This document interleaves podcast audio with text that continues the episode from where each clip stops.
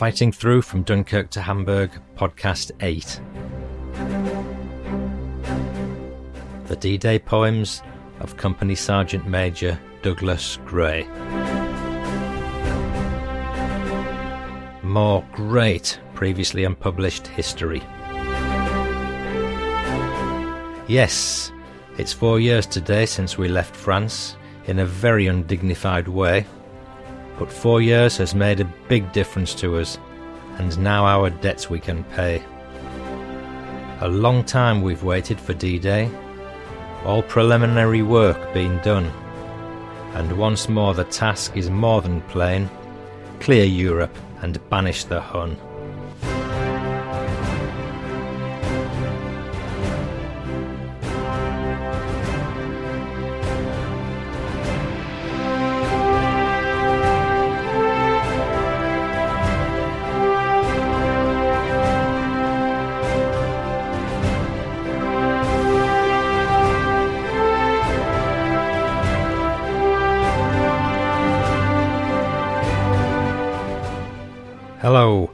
Paul Cheall, son of Bill Cheall, whose World War II memoirs have been published by Pen and Sword in Fighting Through from Dunkirk to Hamburg.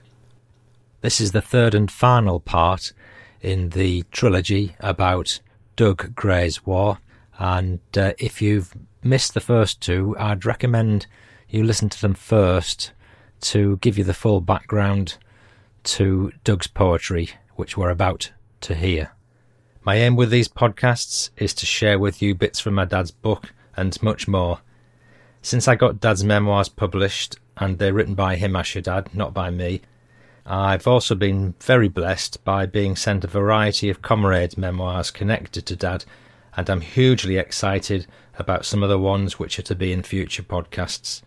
They've never been published before and include the diary of the ship's captain, Tom Woods, who rescued Dad from the Dunkirk beaches, and the writings of Major Petch, for whom Dad was Batman around the time of Dunkirk. Both great history.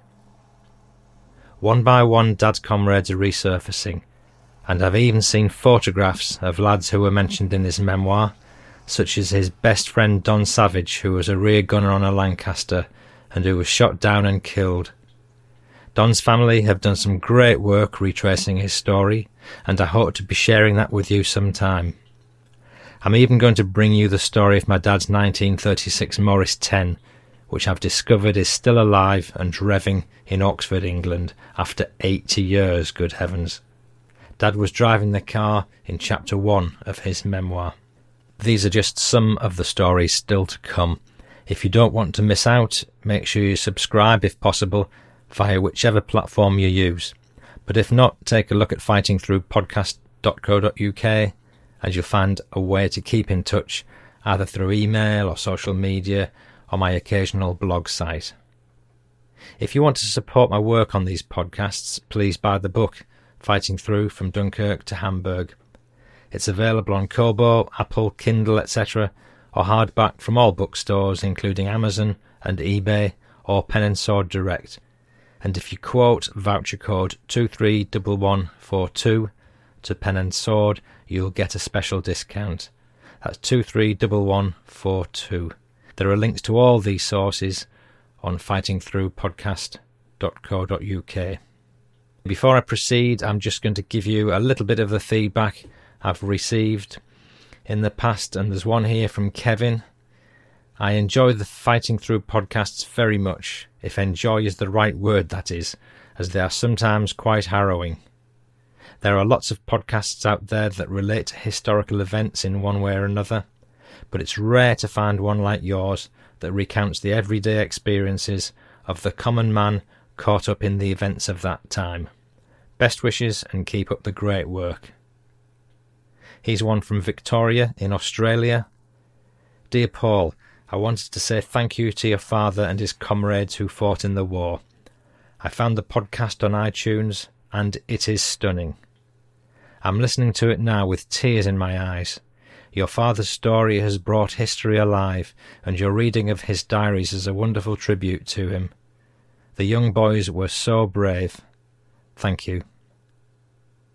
Well, thank you so much to you, Victoria and Kevin. Um, it's comments like these that inspired me to pick up with the podcast again after a long gap following my first three episodes. And um, I'm hoping and expecting to continue with a monthly release from now on. But thank you again for your comments, guys.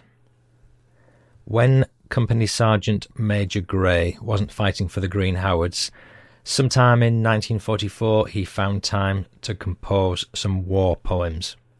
It's not flowery poetry, you might rather call it soldierly, but it's good stuff and it captures the spirit of events rather nicely, in my humble opinion. Before I read them, I'd like to give you a bit of background about the war, and hopefully that'll help people appreciate where the verse is coming from.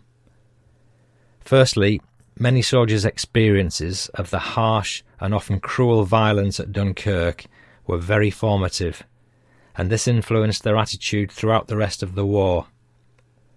Not only did they realise that they had to kill or be killed, but they learned a great deal about actual fighting at Dunkirk. In my dad's case, he went to France with what was called the British Expeditionary Force, the BEF, in April 1940. Initially, it wasn't to fight, but to build an airfield as part of a Labour battalion, because of course Dad at the beginning of the war was in the reserves or the Territorial Army. The Germans invaded and charged mercilessly through the French countryside, killing Allied soldiers and civilians, at times in a very ruthless fashion, with their so called blitzkrieg. So Dad, having never fired a gun, was suddenly faced with a fully armed and trained German army bearing down upon them. And when the troops finally got to the beaches at Dunkirk, the carnage continued with the German Stukas machine gunning and bombing the beaches and sand dunes. But eventually, nearly 340,000 troops managed to get back to England, and as Dad explained in his memoir, we came back from France very much wiser and much more experienced. I believe the miracle of Dunkirk had a far wider significance than anybody imagined at the time. Most of the soldiers who came back were the youth of Britain and eventually formed the nucleus of the 8th Army in Africa and the 14th Army in Burma. The war could have lasted another two years had we not been brought back from Dunkirk. But of course, after that, the Allies almost immediately started to plan the day when we would return to France. The task was enormous. It wasn't just a question of building more weapons and thousands of ships and training more soldiers, but it was the administration of it all and more. There were new inventions in weaponry, such as tanks that could lay carpet on the beaches so vehicles wouldn't sink into the soft sand. There was subterfuge and misdirection to stop the Germans finding out when and where we would invade. There was General Patton's 5th US Army Group, established in the Dover region with fake radio traffic and imitation inflatable tanks to fool the German reconnaissance into thinking there was more armament than there was. There were battles to fight in North Africa and Sicily and Italy. And my favourite innovation? Pluto. Pipeline under the ocean. Pluto was an underwater pipeline laid from Southampton to France to supply the Allied bridgehead with essential fuels after the invasion had taken place. Last but not least was the innovation of the flat bottomed landing craft, such as the LST, landing ship tank.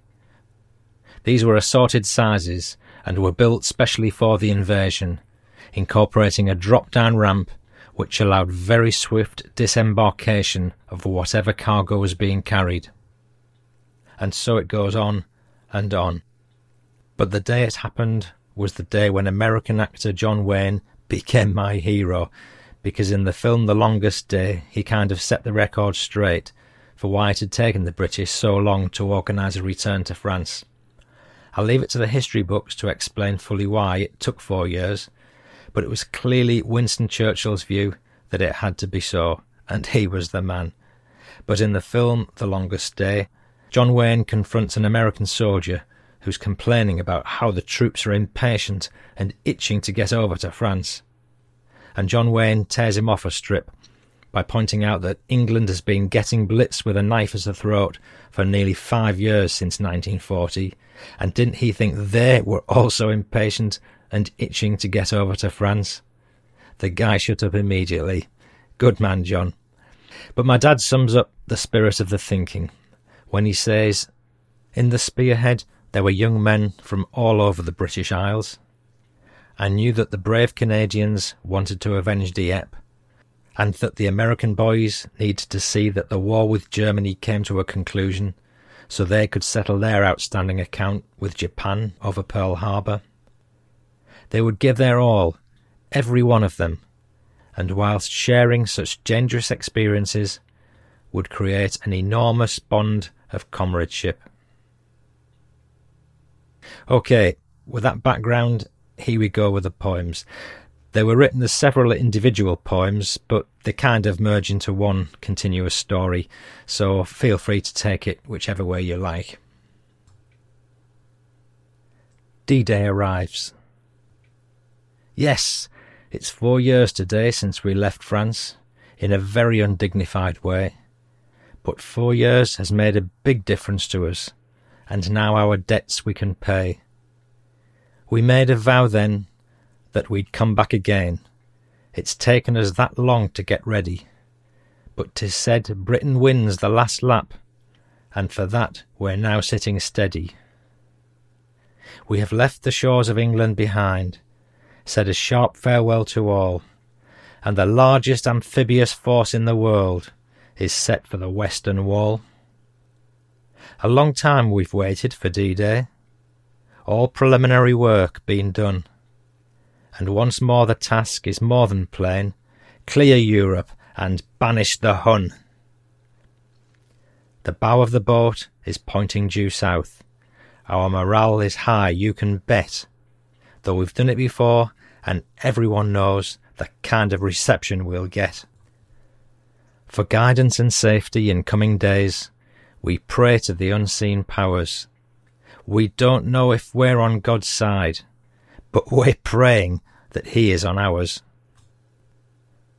On the way. In Southampton Bay, at peace we lay, on this the third of June. And to fore and aft there are thousands of craft. We'll be heading for France very soon. The heart and soul of movement control lay in getting us down to the shore while the organisation and administration is better than ever before. Here a naval commander our welfare takes over and gives us our landing orders, while high in the sky the RAF boys fly and guard us from Jerry marauders. The vehicles are stored, the troops are on board, and the bridge orders anchors away. Then gently we glide on the outgoing tide to take up our place in the bay. Now, our orders we know, we just wait the word go. Then the world's biggest battle begins. It's not all in vain, France must live again, and the Nazis must pay for their sins. Landing ship tank. Who longs for the sea? I can tell you, not me. My experience has not just begun. I've done many trips on various ships. As a soldier, it isn't much fun. Now, sailor, be frank on a landing ship tank. As far as the Tommy's concerned, things are a bit flat. You'll agree about that. And I think something better we've earned. As a typical example, take this for a sample. More than 500 people on board. The proverbial cat, there's no room to swing that. You can't say that one lives like a lord. The accommodation and bed situation is six to one bed. Yes, it is. And the food that they rig isn't fit for a pig, but they promise to get some that is. At the signal to rally, we dash to the galley for biscuits and bully beef stew, diced carrots and spuds with a dash of soap suds, and sloppy from yesterday's brew. At the next meal we get, the sloppy is wet, our spirits are too, but why worry? We oft wait for hours, in hail, snow, and showers, but what of it? We ain't in a hurry. The NAAFI, there's none. Ship's library, no bon. They haven't a book in their place. Understand why I'm blue? I've nothing to do. I'd lay down, but I can't find the space. But we'll probably grumble as on shores we tumble and wish we could move in reverse. For we're landing in France, and there's every chance that conditions out there will be worse. The going may be tough, but we're made of the stuff that real British Tommies are made of. Though we grumble and rile in the true British style, there's not a damn thing we're afraid of. Much. So let's get at the Hun and get the job done and get back to our loved ones at home. Let's forget about war, let's have peace evermore, so that never again need we roam. A letter home. Dear Mum and Dad, as you probably know, I'm in France in the fighting line. But you've no need to worry about me at all, for I'm having a marvellous time. We journey across on a landing ship tank, you know, those flat bottomed craft. And our large sized bags vomit were frequently used and then thrown overboard aft. About life on board, you'll know quite a lot if you read those five verses of mine. There's no room to move and nothing to do. I'll say 'twas a marvellous time. The landing was wet, I'll never forget how we scrambled down ladders of rope, and there four miles out we proceeded to have a bath, but we didn't use soap. We were soaked to the skin by the time we got in. Hands and face had lost all of their grime. As we dodged shot and shell, one would think it was hell, but we thought it a marvellous time. Of the fighting on land, I will not say a lot. I would say a bit if I could. But as Jerry got tougher, the weather got rougher, and now the place is in flood. In the bottom of trench there is mud inches thick. We just sit there and wallow in slime. We can't sleep a wink, and we haven't for days but we're having a marvellous time. Our spirits are wet, clothes, blankets, you bet, but the battle goes on just the same. Each day we attack, and each day we're thrown back, then get ready to go in again. Still, it won't be long now till the battle is won. Very soon the sun's going to shine. In the meantime, best wishes from your only son. He's having a marvellous time. D. E. Gray, 1944. Oh, what fun that was. Thank you so much to Doug for writing those poems and to uh, son Doug for sending them in. Just brilliant. You know, listeners, as long as I'm doing these podcasts and as long as I live, I'm not sure if I'm ever going to find any material quite as good as that poetry. Moving on now, a bit of background to the next episodes. All the water is condemned, and it's quite flat around here. I said at lunch I'd not seen any running water at all.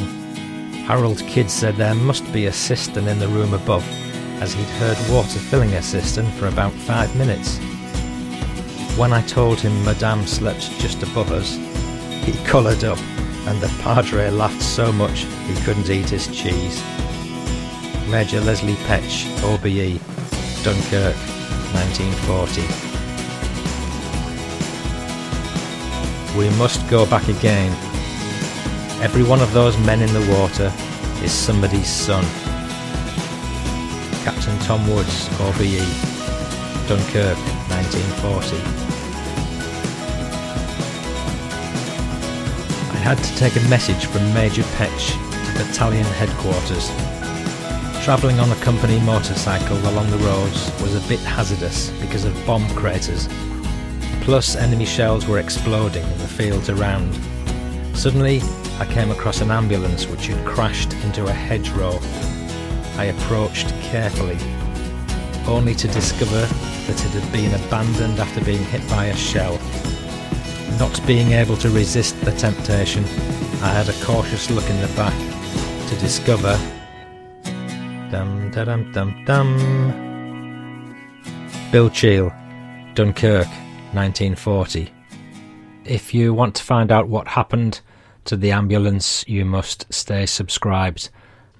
And don't forget that Dunkirk wasn't just a retreat. It was one of the most dramatic battles of the war, so well worth hearing more about it.